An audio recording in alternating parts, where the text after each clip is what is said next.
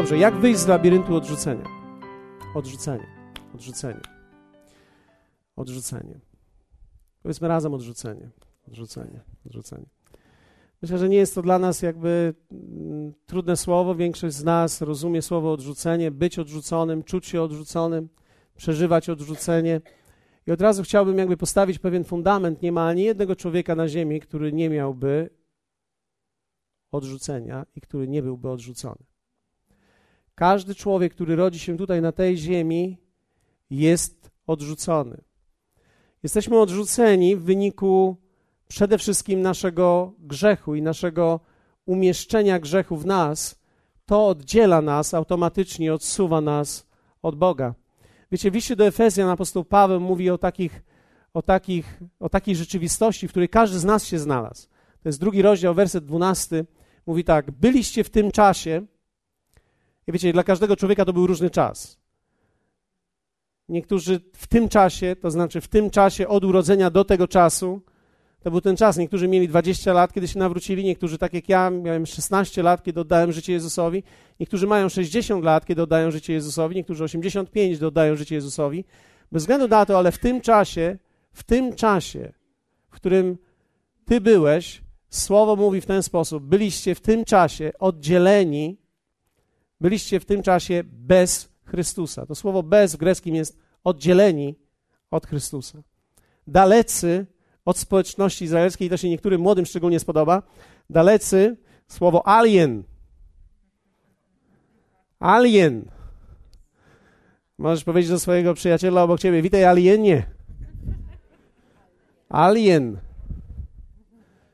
Byliście dalecy, byliśmy alienami od społeczności izraelskiej i obcy przymierzom zawierającym obietnice, nie mający nadziei bez Boga na świecie. Byliśmy bez Boga na świecie. Pozwólcie, że wyjaśnię ten termin, ponieważ większość ludzi nie rozumie tego terminu i myśli, że w takim razie Bóg nie był z nimi. Nie, to nie jest prawda. Bóg jest z każdym człowiekiem. Ale słowo mówi, że my byliśmy bez Niego. Byliśmy odłączeni od Niego. To pokazuje nam jedną prawdę, że Bóg, który jest Ojcem, zawsze był Ojcem, zawsze troszczył się o człowieka i każdego człowieka chce przyciągnąć do siebie nie ma ani jednej osoby, którą Bóg chciałby odrzucić albo przeznaczył na potępienie.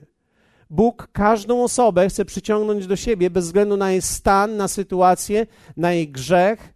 Wielu ludzi czasami się zdarza to, że przychodzą do mnie i mówią: Pastorze, ja nie jestem godny, żeby przyjść do kościoła. Ja muszę poprawić najpierw swoje życie. Najczęściej, najczęściej staram się wyjaśnić, że to jest niemożliwe i staram się powiedzieć wszystkiego najlepszego, jeśli podejmiesz tą drogę, ponieważ nie wiem, jak człowiek chce naprawić coś, w czym najlepszy jest, żeby psuć. Inaczej mówiąc, za każdym razem, kiedy człowiek zabiera się za własne życie bez Boga, tak naprawdę jedyne, co może zrobić, to tylko jeszcze bardziej popsuć. Więc nie da się tak naprawdę bez Boga życia układać. Można próbować się poprawić, ale wtedy działasz bez Jego mocy, bez Jego zaplecza, działasz o własnych siłach i tak naprawdę bardzo często wtedy poddajemy się i to jest tylko kwestia tak zwanej naszej silnej woli.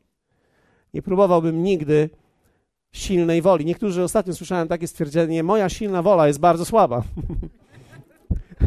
Myślę, że to dokładnie tak jest. Więc stan każdego z nas był taki: byliśmy bez Boga. Bóg był z nami, ale my nie byliśmy z Nim. I to, że Bóg jest w Twoim życiu, że Cię ratuje, to jest jedna wspaniała prawda. Powinieneś to przeżywać i powinieneś chcieć tego i powinieneś to umieć zauważyć.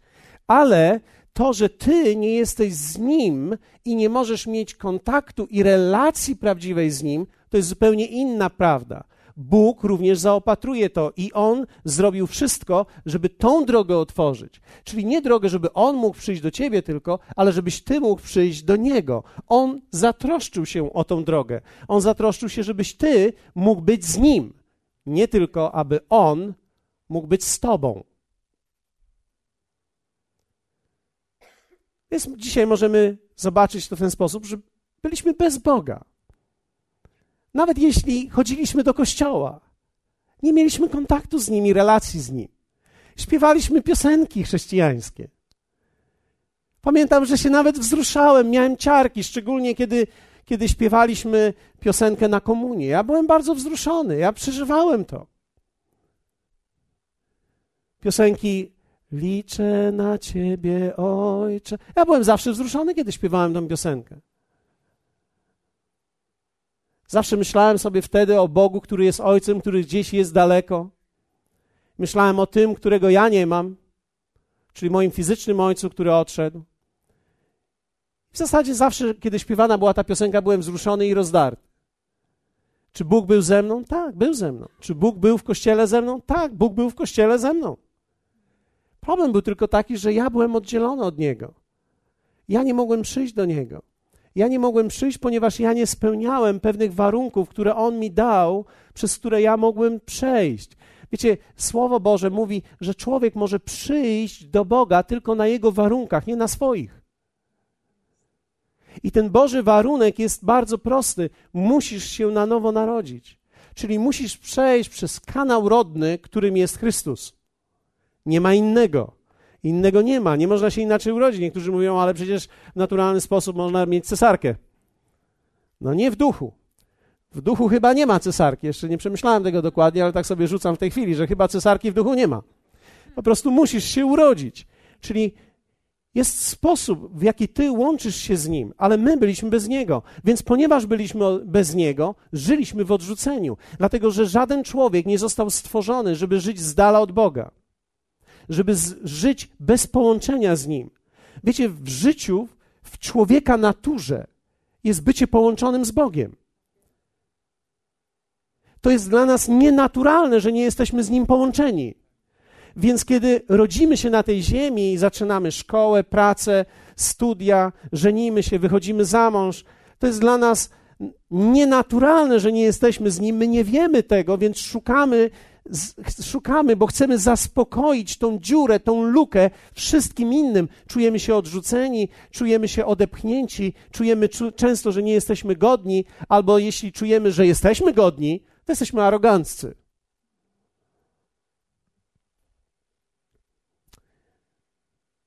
Wiecie, odrzucenie to też nawet nie jest kwestia domu. Dlatego, że nie ma znaczenia, w jakim domu się wychowałeś, czy w domu, który był bardzo toksyczny, gdzie było bardzo źle i tragicznie, czy też w domu bardzo grzecznym, eleganckim, uśmiechniętym i sympatycznym i miłym. Niu, niu, niu, niu. Psie, niu, niu, niu. Gdzie były wszystkie zdrobnienia, czy w domu, gdzie nie było żadnych zdrobnień. Mnóstwo epitetów. Wiecie, lepiej być wychowywanym w domu, gdzie są zdrobnienia, gdzie jest wszystko, nazwijmy tak, wygląda na zdrowe. Dlatego, że masz więcej narzędzi wbudowanych w sobie, które ci pomagają później w życiu. Kiedy jesteś w domu całkowicie zniszczonym i, i toksycznym, zniszczonym, wtedy mnóstwo rzeczy w tobie powstaje, które tak naprawdę są twoimi nawykami, także szarpiesz się w życiu i nie wiesz, jak masz sobie z tym poradzić i z ludźmi, i z sobą, i z Bogiem, i ze światem. Każdy z nas w procesie wychodzenia z odrzucenia, pozwólcie, że powiem Wam to, żaden człowiek nie wychodzi z odrzucenia nieświadomie. My musimy świadomie uderzyć w ten aspekt naszego życia. Inaczej mówiąc, odrzucenie nie odejdzie z Twojego życia i z Twojego wnętrza tylko dlatego, że będziesz chodził do kościoła, śpiewał piosenki i zaśpiewasz w chórze. Odrzucenie, odrzucenie musisz zaatakować. Odrzucenie musisz zaatakować jako swojego wroga, i którego masz wewnątrz siebie. Cały system, schemat tego odrzucenia poczucie odrzucenia i odrzucenie ma wpływ, po pierwsze, na naszą relację z Bogiem. I wiecie, nawet kiedy człowiek jest zbawiony, nawet kiedy się nawrócisz, możesz dalej odczuwać oddzielenie. Dalej możemy nie przeżywać Bożej miłości. Czyli tak jakby przez wiarę formułę dokonałem, ale dalej nic nie czuję, bo zostałem tak zniszczony, że Bóg i ja potrzebujemy czasu, żeby siebie odnowić do miejsca, w którym na nowo coś poczuję. To jest trochę tak jak kobieta, która została zraniona w jednym związku, tak naprawdę od razu nie przeskakuje do drugiego wielkim szczęściem, ale prawdopodobnie potrzebuje czasu, żeby się odnowić, żeby przyjąć uleczenie i nawet po latach, jeśli nie zaatakuje odrzucenia, będzie w dalszym ciągu chora, nawet jeśli nie jest do końca tego świadoma. Więc to ma wpływ na naszą relację z Bogiem. Wiecie, czasami odrzucenie wpływa również na naszą gorliwość. Przez lata, będąc pastorem, mogłem dostrzec i zawsze sobie namierzam takich ludzi, przynajmniej nie zawsze, ale teraz zaczynam namierzać tych ludzi coraz częściej. Jeśli ktoś wykazuje nadmierną gorliwość, wiecie, gorliwość to jest gorliwość, ale gdy ktoś wykazuje nadmierną gorliwość, chce być w każdej służbie, albo chce być we wszystkim, albo chce zadziałać w każdej rzeczy, ja sobie namierzam tę osobę i sprawdzam, co się w niej dzieje. Dlatego, że czasami jest tak, że gorliwość ta nie wypływa w ogóle ze zdrowia i z odpowiedzi na Boże powołanie, ale ta gorliwość wypływa czasami z choroby odrzucenia. Więc, aby być przyjętym, muszę wszystko wypełnić w stu procentach i nawet jeszcze dalej. Gdzie nogi poniosą jeszcze dalej. Więc jeszcze muszę dalej i jeszcze dalej. I muszę maksymalnie, nie tylko w czwartek mam być, ale jeszcze we wtorek coś się dzieje, może we wtorek zrobię, jeszcze posprzątam, jeszcze w kafeterii będę i w chórze będę i na ewangelizację pójdę w sobotę i, i jeszcze wiele innych rzeczy zrobię, I jeszcze w niedzielę będę i w niedzielę będę od dziewiątej do godziny dziewiętnastej, żeby posprzątać po wszystkich. Wiecie, kiedy widzimy nadmierną gorliwość, musimy się zastanowić, szczególnie kiedy osoba, która wykazuje tą gorliwość, jest sama w tym, co robi. Dlatego, że nie ma nic gorszego jak gorliwość samotnego. Nigdy nie wiesz, co go karmi w tym. Więc nawet zwróćcie uwagę, gorliwość w życiu chrześcijańskim może być dwuznaczna. Może wynikać z naszego odrzucenia i z olbrzymiej potrzeby bycia przyjętym przez innych. Aprobaty pastora, aprobaty lidera, aprobaty Boga.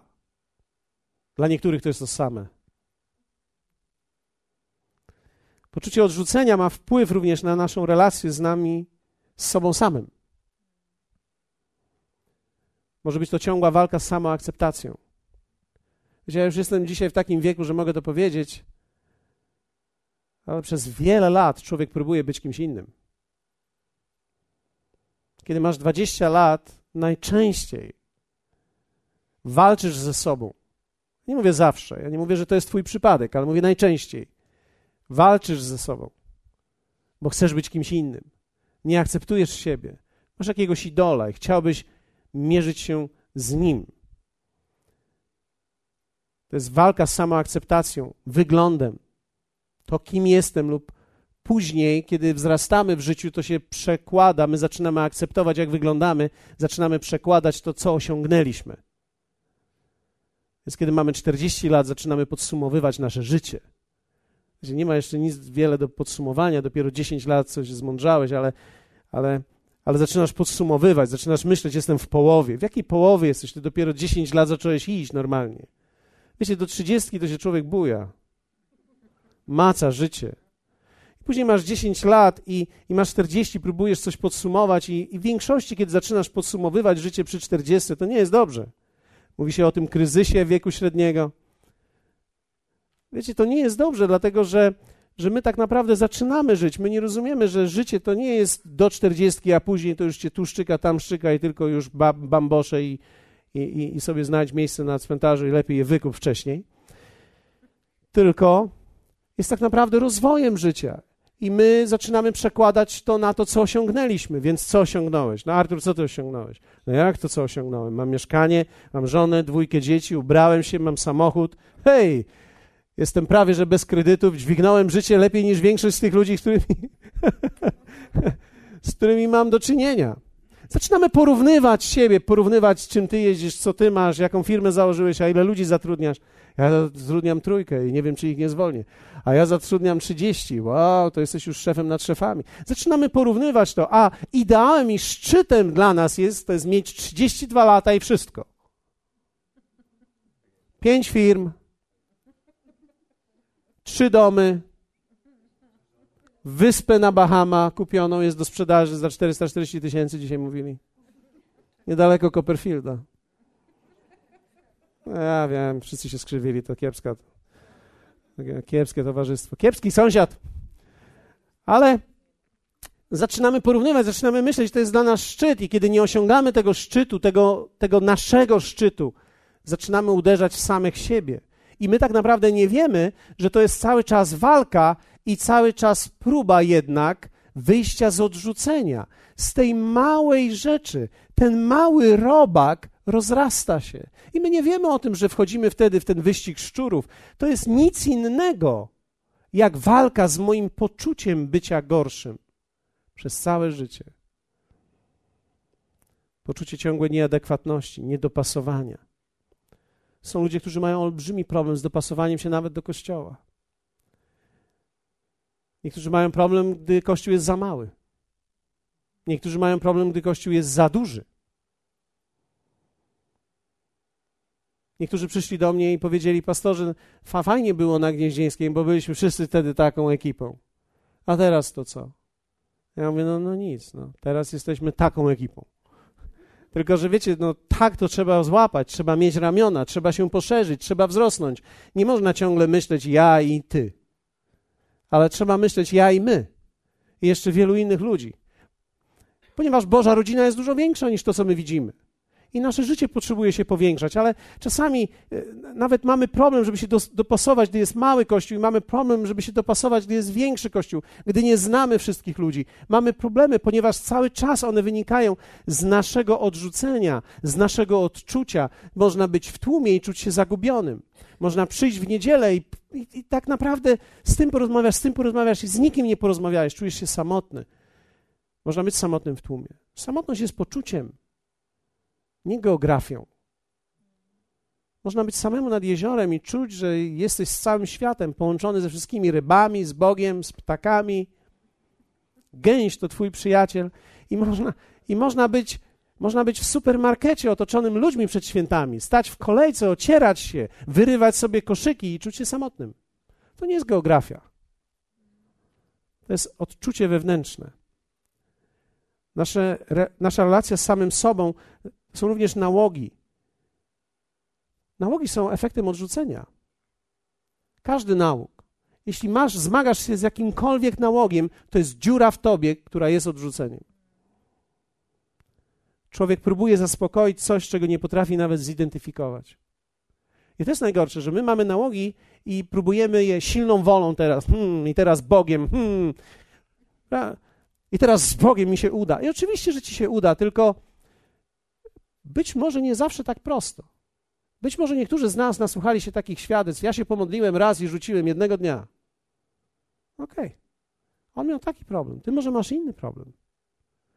U ciebie może to sięga troszeczkę głębiej. Ze trzy pokłady głębiej. Być może to jest o wiele głębiej niż ci się wydaje. I nie potrafisz tego zidentyfikować. I wiecie, to jest troszkę jak w ogródku. Rwanie u góry nic nie daje. Jeśli masz chwasta, trzeba sięgnąć głęboko, do samego korzenia. Trzeba go całkowicie wyciąć, trzeba go zlikwidować, trzeba go wypalić. Musi pójść to głębiej. Najgorsze to jest to, że my czasami nie potrafimy nawet tych nałogów zidentyfikować, gdzie jest to odrzucenie, gdzie ono leży. Za tydzień powiem, pokażę Wam, jak można to zidentyfikować w sobie. Zrobimy sobie taką linię życia i pokażę Wam, w jaki sposób możemy cofnąć się i zobaczyć, gdzie mogą być te punkty, w których rzeczy powstają w nas. Poczucie odrzucenia ma wpływ również na nasze relacje z ludźmi. Nieumiejętność budowania trwałych relacji. Wiecie, jestem pastorem tutaj kościoła przez 22 lata i muszę powiedzieć Wam, dla mnie to jest encyklopedia nauki, jak ludzie żyją. My z powodu odrzucenia nie potrafimy budować trwałych relacji z ludźmi, ze sobą. Nam jest bardzo trudno. Nie wiemy, co mamy zrobić w sytuacji konfliktowej. Konflikty przeżywamy źle. Bardzo źle przeżywamy konflikty. Dlaczego? Ponieważ w konfliktach jesteśmy nadwrażliwi. I nie rozmawiamy o podmiocie konfliktu, tylko rozmawiamy o nas. Kiedy ktoś mówi o czymś, nie mówi o czymś, mówi o mnie. Dotyka mnie. Dlaczego mnie to dotyka? Bo czuję się odrzucony. I moje odrzucenie nie pozwala mi rozmawiać merytorycznie o czymś. tylko cały czas to jest o mnie i to jest do mnie, więc ja będę walczył. A jeśli jestem jeszcze chrześcijaninem, to mam troszkę więcej amunicji. Mam troszkę biblijnych tekstów. Przecież nie jestem potępiony. Kto mnie będzie potępiał? Człowiek nie będzie mnie niszczył. Bóg będzie ze mną. Jeśli Bóg ze mną, któż przeciwko mnie? Wiecie, i my, mówiąc te teksty, mamy ludzi na myśli. Nie zdajemy sobie sprawy z tego, że my mamy głęboki problem z odrzuceniem. I głęboki problem z odrzuceniem spowoduje, że nie będziesz w stanie budować trwałych relacji. I powiem szczerze, jedną z trików diabła to jest zrobić wszystko, żeby ludzi wytrącić z Bożego Kościoła. Dlatego, że jeśli wytrąci ciebie z Bożego Kościoła, wytrąci ciebie na takie miejsce, gdzie ty będziesz miał relacje z Bogiem, ale już nie będziesz budował właściwych relacji z ludźmi. I wierzcie mi, Kościół jest centrum życia Bożego bez względu na to, jakbyśmy na to patrzyli. Nie ma doskonałych kościołów. W momencie, kiedy ja się tu pojawiłem, ty się pojawiłeś, to już przestał być doskonały. Każdy kościół jest doskonały bez ludzi. W momencie, kiedy się ludzie pojawiają, to już przestaje być doskonały kościół. Więc nie ma doskonałego kościoła, nie ma doskonałego prowadzenia, ale jednak jest to Boży Kościół. Jezus zdecydował, żeby w nim być. I wierzcie mi, e, kiedy widzę tragedię, kiedy ludzie odchodzą, kiedy widzę tragedię, kiedy ludzie się denerwują, obrażają, urażają, zawsze myślę sobie, Ciekawe, jak długo tak będą żyli. Ciekawe, ciekawe, czy się gdzieś dołączą, czy wyzdrowieją. Ciekawe, czy coś zrobią ze swoim życiem. Ciekawe, jaki to będzie miało wpływ na ich dom, na ich rodzinę. Dlatego, że wiecie, Kościół jest tylko jedną z części naszego życia, nie jest całym naszym życiem, więc to oznacza, że my mamy również tendencje pewne i te tendencje przejdą na nasze małżeństwo, na nasze relacje z dziećmi. Więc jeśli my sobie nie poradzimy, wierzcie mi, Kościół jest najbezpieczniejszym miejscem do rozwiązywania problemów w Boży sposób. Naprawdę. Wiem, że to brzmi dla niektórych w ten sposób. Ja pamiętam, jedna osoba kiedyś napisała: Byłem tak zraniony w kościele, jak, jak nigdy jeszcze w życiu. I kiedy ja zacząłem sobie przypominać, to, to pomyślałem sobie, ta osoba nie była nawet wystarczająco na, il, na wystarczającej ilości spotkań, żeby być zranionym. To znaczy, że można przyjść dwa razy i być straszliwie zranionym. Dlaczego? Ponieważ nasze odrzucenie jest nadwrażliwością naszą nieumiejętność trwania w relacjach przymierza, nieumiejętność trwania nawet w małżeństwie. Dlatego też Biblia mówi, że biskup powinien być mężem jednej żony. Wiecie, ja tu nie mówię tutaj o biskupie w kategoriach biskupa tylko, ale mówię tutaj człowiek, który, który jest powołany przez Boga, powinien być w zdrowym związku, bo zdrowy związek oznacza, że ma potencjał do budowania innych zdrowych związków. Bo teraz, jeśli to będzie moja czwarta żona,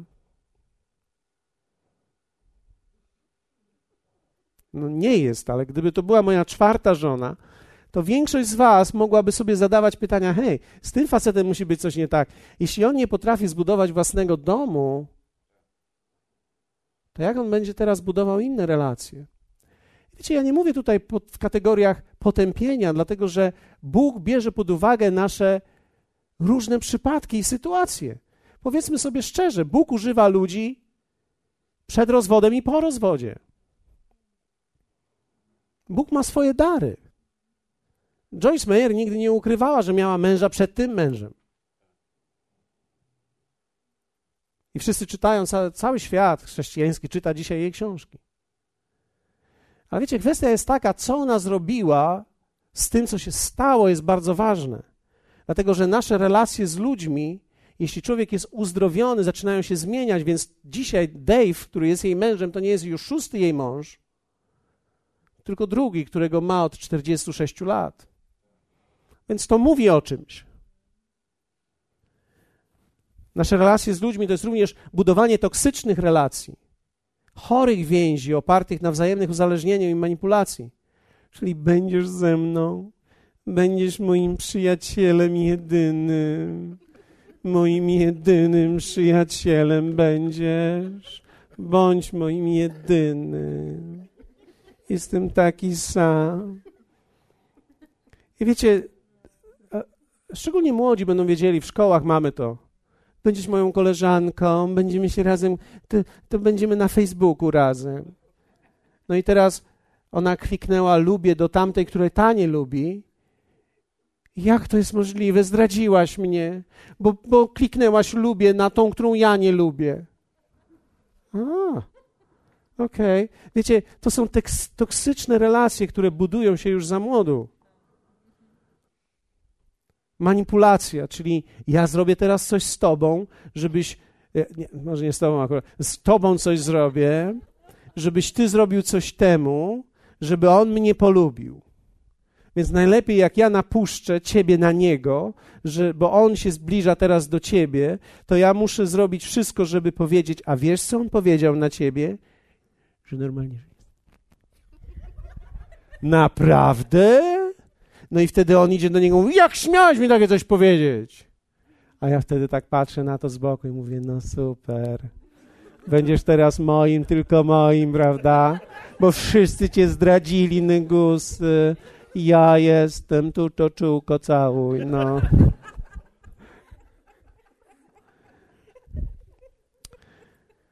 Relacje oparte na strachu odejścia.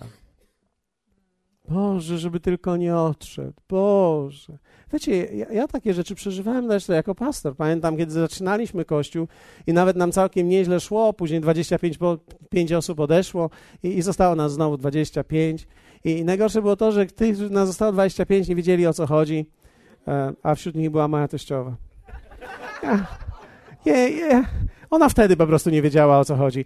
Teraz już wie. Ale wiecie, to, to jest tak, że kiedy zostaje ci rodzina, ja mam na myśli to, że to są ludzie, którzy cię teoretycznie nie powinni zdradzić, prawda? Mama mówi, no dobrze, synku. Ale ty nie chcesz, żeby cię mama i teściowa mówiły super, tylko chcesz, żeby inni ludzie też widzieli, że to ma sens. I pamiętam, wtedy dołączyło się do nas jedno małżeństwo. Dołączyli się byli z dwa, z dwa miesiące.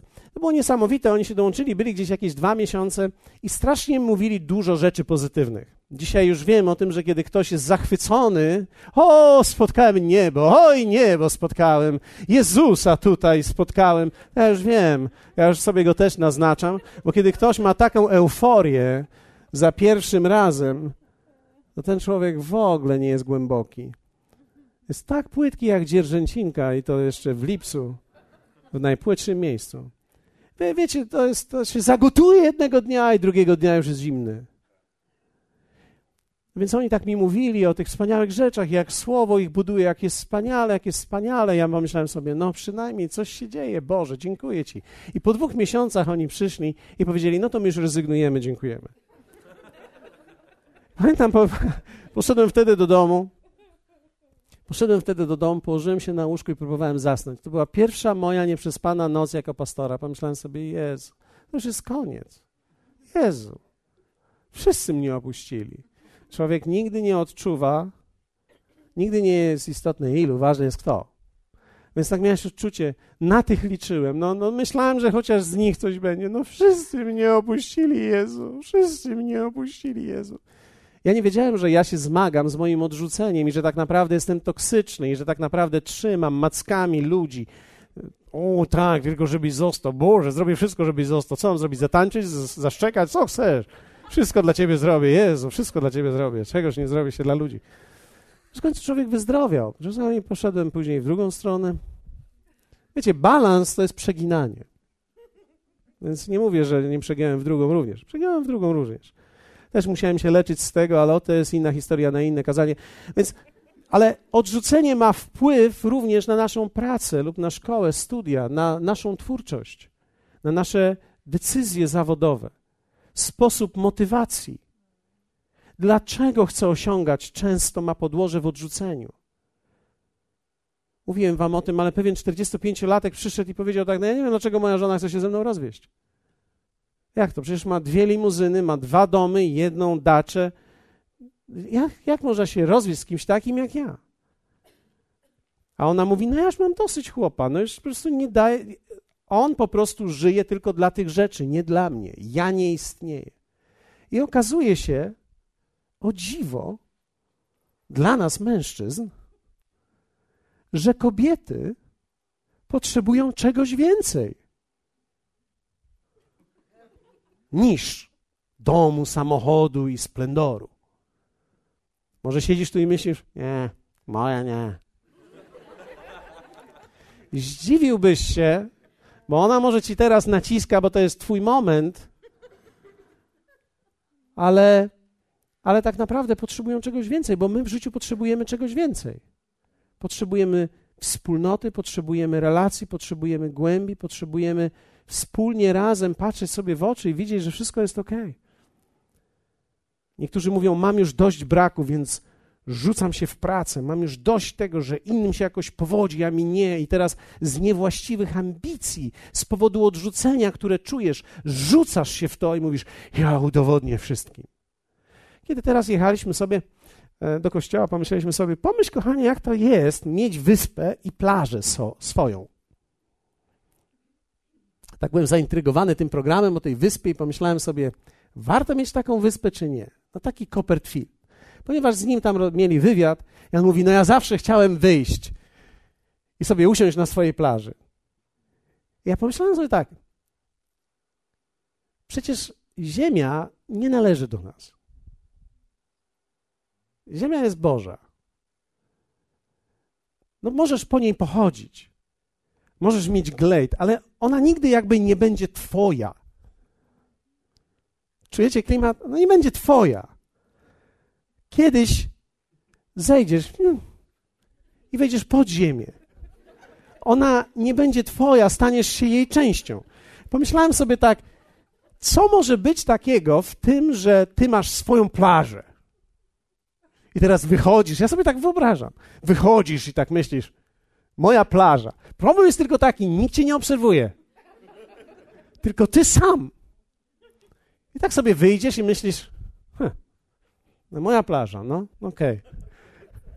Oprócz tego, że pół świata zazdrości ci, gdyby ci pół świata nie zazdrościło, to jest bez sensu mieć taką plażę. Bo, bo myślę sobie tak, ja jadę do Mielna, jadę tam dalej do Unieścia, tam gdzie te wojskowe były te... I tam jest taka jeszcze dzicz trochę. I tak sobie stanę tam i, i mam prawie to samo, co Copperfield, z wyjątkiem klimatu. I, I wiecie, kiedy tak pomyślałem sobie, to naprawdę jest związane bardzo często z naszym odrzuceniem. Bo ja sobie bym wziął taki tabory, tu siadł na swojej plaży, posiedziałbym chwilę i pomyślałem sobie, no czy teraz coś by trzeba było porobić, coś by trzeba było pójść, po, pogadać z kimś, porozmawiać, wypić herbatę z Leszkiem, no coś trzeba byłoby porobić. Tak siedzieć na swojej plaży i tak, moja plaża, moja plaża, moja plaża. Strasznie ciekawe. Strasznie ciekawe. Chcę w końcu być kimś. To wszystko są powody karmione poczuciem odrzucenia.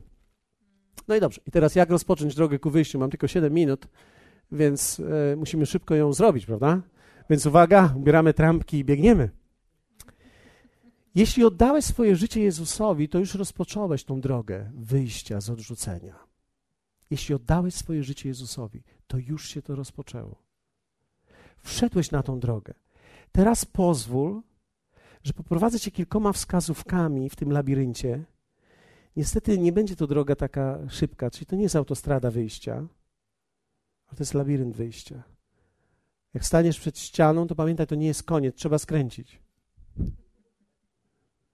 Trzeba skręcić. To jest normalne. Hmm. 1 Jana 3:2 czytamy. Umiłowani, teraz dziećmi Bożymi jesteśmy, ale jeszcze się nie objawiło, czym będziemy. Lecz wiemy, że gdy się objawi, będziemy do Niego podobni, gdyż ujrzymy Go takim, jakim jest. I każdy, kto tę nadzieję w Nim pokłada, oczyszcza się tak, jak On jest czysty. Inaczej mówiąc, Jan pisze, że my jesteśmy ludźmi, którzy się stają tacy jak On przez oczyszczenie. No i teraz słyszę to, słyszę, słyszę, słyszę. Niektórzy powiedzą, ależ przecież ja jestem czysty, przez krew Chrystusa jestem czysty. Tak, ja nie mówię tutaj o tym. Ja mówię o Twojej duszy,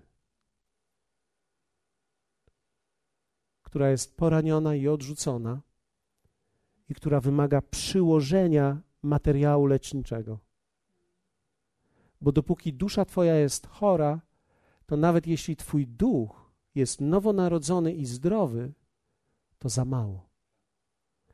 Każdy człowiek, który rozpoczyna swoją podróż z Bogiem, rozpoczyna ją od nowego ducha, ale od starej duszy. I dusza wymaga oczyszczenia. I powiem tak, nie boję się już dzisiaj tego słowa oczyszczenia, bo ona jest brudna, ona jest zniszczona, ona jest spaskudzona rzeczami, które nie tylko robiliśmy, ale życie, które wiedliśmy. My jesteśmy tymi, którzy się stają przez ciągłe oczyszczenie. I teraz, jaka jest natura odrzucenia?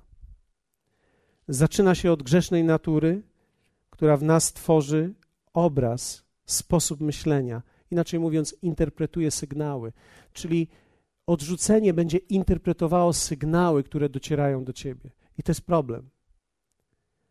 Popatrz, ja teraz patrzę na Was. Patrzę teraz w tamtą stronę. I teraz to jest sygnał pewien. Ja mówię teraz do tyłu. Patrzę na Was. Odrzucenie będzie interpretowało sygnał. Dlaczego patrzy? A co od nas teraz chce? Czy mu to przeszkadza, że siedzimy z tyłu? Jaki ma problem z nami? A czemu się teraz odzywa do nas? Wiecie, nikt nie wie dlaczego. Nikt nie wie, jaka jest przyczyna. Odrzucenie będzie interpretowało sygnały, które do ciebie dochodzą. Będzie interpretowało wszystko: słowa, gesty, odczucie, które masz, spojrzenie. Odrzucenie interpretuje wszystko, zakłada wszystko, więc kiedy na mnie patrzysz, zakładam, że źle na mnie patrzysz. Kiedy na mnie nie patrzysz, zakładam, że już nie chcesz na mnie patrzeć. Kiedy jesteś człowiekiem odrzuconym, nie ma znaczenia, co robisz. Wszystko jest źle. Nie ma znaczenia, czy robisz coś dobrze. Na pewno miałeś coś złego na myśli. Można dojść do takiej choroby, do takiej toksyczności w relacjach. Zwróćcie uwagę, jak w małżeństwach jest czasami. Wielka miłość może doprowadzić do wielkiej nienawiści. Do takiej nienawiści, że ludzie próbują się nawet zniszczyć. Dlaczego? Odrzucenie. Odrzucenie, które w nich jest, nie pozwala im właściwie odczytać, interpretować cokolwiek. Wszystko jest złe. Dalej, oddzielenie, zranienie poprzez wydarzenia z naszego życia, które stają się warownią, naszymi reakcjami, naszymi odczuciami. Dlatego odrzucenie staje się częścią nas i daje nam odczucie. Im więcej jest raniących wydarzeń, bez umiejętności interpretacji, tym gorszy stan człowieka. Ale tego nie widać, gdyż można dokonywać tego w środku. To się dzieje w środku, więc odrzucenie jest ukryte. I to jest problem. Powiedzmy razem, odrzucenie jest ukryte. Odrzucenia nie widać. Ono jest wewnątrz, dlatego jest tak bardzo niebezpieczne. Wszystkie życiowe konsekwencje są najczęściej owocem stanu wewnątrz. Jest to splecione z życiowymi sytuacjami, więc jest nieuchwytne. Jest bardzo trudno chwycić to, co jest odrzuceniem, co nie jest odrzuceniem. Dlatego wierzcie mi, tego nie da się inaczej uleczyć, jak przypalić to właściwie. Z tym trzeba się rozprawiać jak z rakiem. Dlatego, że jeśli tego nie odetniesz, nie uleczysz, nie napromieniujesz, nie zrobisz czegokolwiek z tym, co trzeba, dużo B17, to niestety, ale będzie się rozchodziło, będzie infekowało poszczególne narządy Twoje i w końcu umieramy na to. Dlatego mamy wielu ludzi starszych, którzy umierając na odrzuceniu, umierają w goryczy i w samotności. Nie są szczęśliwi, nie są pojednani, są ciągle zacietrzewieni, ciągle pałają nienawiścią, najczęściej do najbliższych, którzy ich zostawili, zdradzili i zrobili nie tak, jak oni by chcieli. I nawet jeśli to jest prawdą, to jednak tak się dzieje, ponieważ dany człowiek zdecydował, że życie innych ludzi zdominuje to, jak ja żyję. Widzisz, za każdym razem, kiedy życie innych ludzi, ich decyzje decydują o tym, jak ty się czujesz, to jest pokład odrzucenia, który jest wewnątrz ciebie.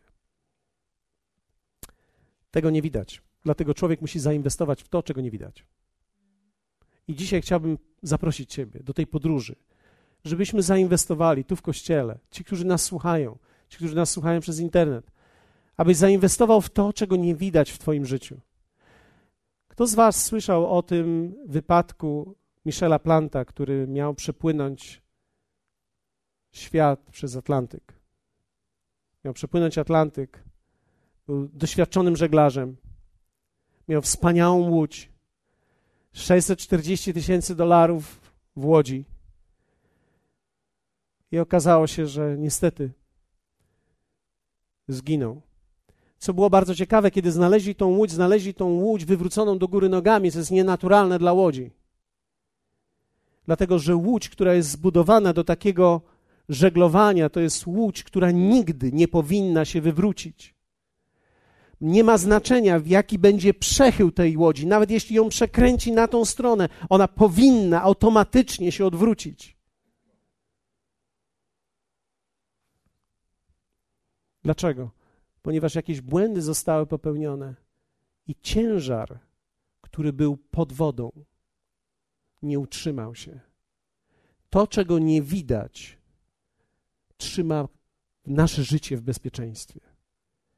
Jeśli to, czego nie widać, nie dbamy o to, niestety nasze życie jest zagrożone. I nawet jeśli jesteś doświadczony, możesz zginąć.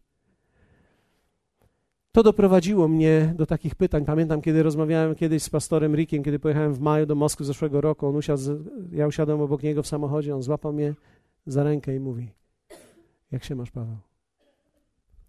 A ja mówię: Dobrze. A on mówi: Nie, nie. Pozwól, że kupimy kawę i ci wytłumaczę, co ja mam na myśli. I to doprowadziło mnie do takich pytań w życiu. Pierwsze, to jest wasza praca domowa i idziemy do domu. Czy Bóg może mówić do mnie o mnie? Zarówno pozytywne rzeczy o nowym człowieku, jak i te negatywne o mojej chorej duszy. Czy Bóg może mówić o mnie, o mojej chorej duszy cokolwiek? Czy ma na to czas? Czy pozwalam, aby słowo było ostre i oddzieliło zdrowie od choroby we mnie? Czy spędzam czas ze Słowem po to, żeby powiedzieć: Jestem super, jestem zdrowy, jestem nowy, jestem halleluja, wszystko mogę i jestem halleluja i, i halleluja. To wszystko jest bardzo dobre. Ja tę gimnastykę miałem. I to jest bardzo dobra gimnastyka, to jest bardzo ważna gimnastyka. To jest, ja bym powiedział tak, od linii wody w górę musi wszystko działać. Żagiel, linki, wszystko musi być we właściwym miejscu. Ale ja teraz nie o tym mówię. Ja teraz mówię o wszystkim, czego nie widać. O tym, co może stanowić tak naprawdę niebezpieczeństwo naszej podróży. Czy Bóg ma czas, żeby mówić o mnie, do mnie, o moich złych postawach, o moich złych odzywkach, o moich niewłaściwym tekście, o tym, że za głośno powiem, o tym, że mówię coś w nerwach, o tym, że, że mam coś nie tak, że smucę się niewłaściwymi rzeczami. Czy on może mówić? Drugie, czy są ludzie, którzy mogą mi mówić do mnie o mnie? Czy jestem w ogóle tym zainteresowany? Wiecie, pastor Rick powiedział do mnie: Mam ośmiu ludzi, którzy mówią do mojego życia. Nie wiem, jak to jest, ale przypomniało mi się wtedy troszeczkę tak jak z GPS-em. GPS, zanim zacznie działać, potrzebuje zebrać ile sygnałów? Ktoś z Was wie? Dziewięć?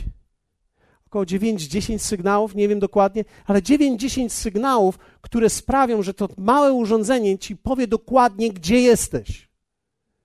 I to jest troszeczkę tak w duchowym życiu, że my potrzebujemy kilku ludzi, którzy są w stanie o nas mówić do nas. Dlatego potrzebujemy pastora w życiu. Dlatego potrzebujesz liderów w życiu, ludzi dojrzałych duchowo wokół siebie. Potrzebujesz przyjaciół, którzy będą mądrzy i powiedzą ci prawdę. Nie tylko, którzy będą stali po Twojej stronie. No, rzeczywiście. Wszyscy B, Ty jesteś dobry. Bo to jest toksyczne. Przyjaźń powinna być oparta na prawdzie. Czy są ludzie, którzy mogą mówić mi do mnie, o mnie? głos w autorytecie, bliscy, rodzina, przyjaciele, dzieci. Im wyżej jesteś w życiu duchowym, tym mniejsi ludzie mogą mówić do ciebie. Kiedy jesteś bardzo nisko w życiu duchowym, nawet Bóg nie może przemówić. Ale niektórzy troszkę wyżej idą i mówią: Ja nikogo nie słucham, tylko Jezusa. Ja się boję o tych ludzi. Bo jeśli oni słuchają tylko Jezusa, wiem, że to brzmi straszliwie, ale oni płyną na skałę. Jeśli oni słuchają tylko Jezusa, to wcale nie mówi o tym, że oni tylko Jezusa słuchają. To mówi, że na wszystkie inne głosy są głusi. I kiedy masz głos w pion tylko właściwy, to i tak możesz wichrować co do miejsca, w którym jesteś. I tak nie wiesz, gdzie jesteś. I trzecie, czy pozwalam kryzysom życiowym mówić do mnie? Kryzys w życiu otwiera nas na zupełnie nowy komunikat.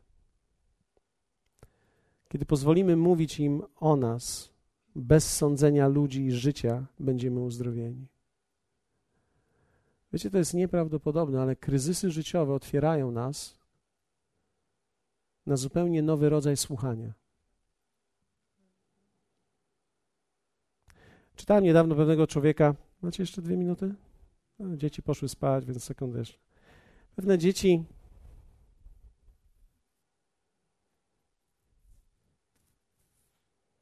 Powiedzieć wam tą historię, czy nie powiedzieć wam tej historii? Za długa to jest historia.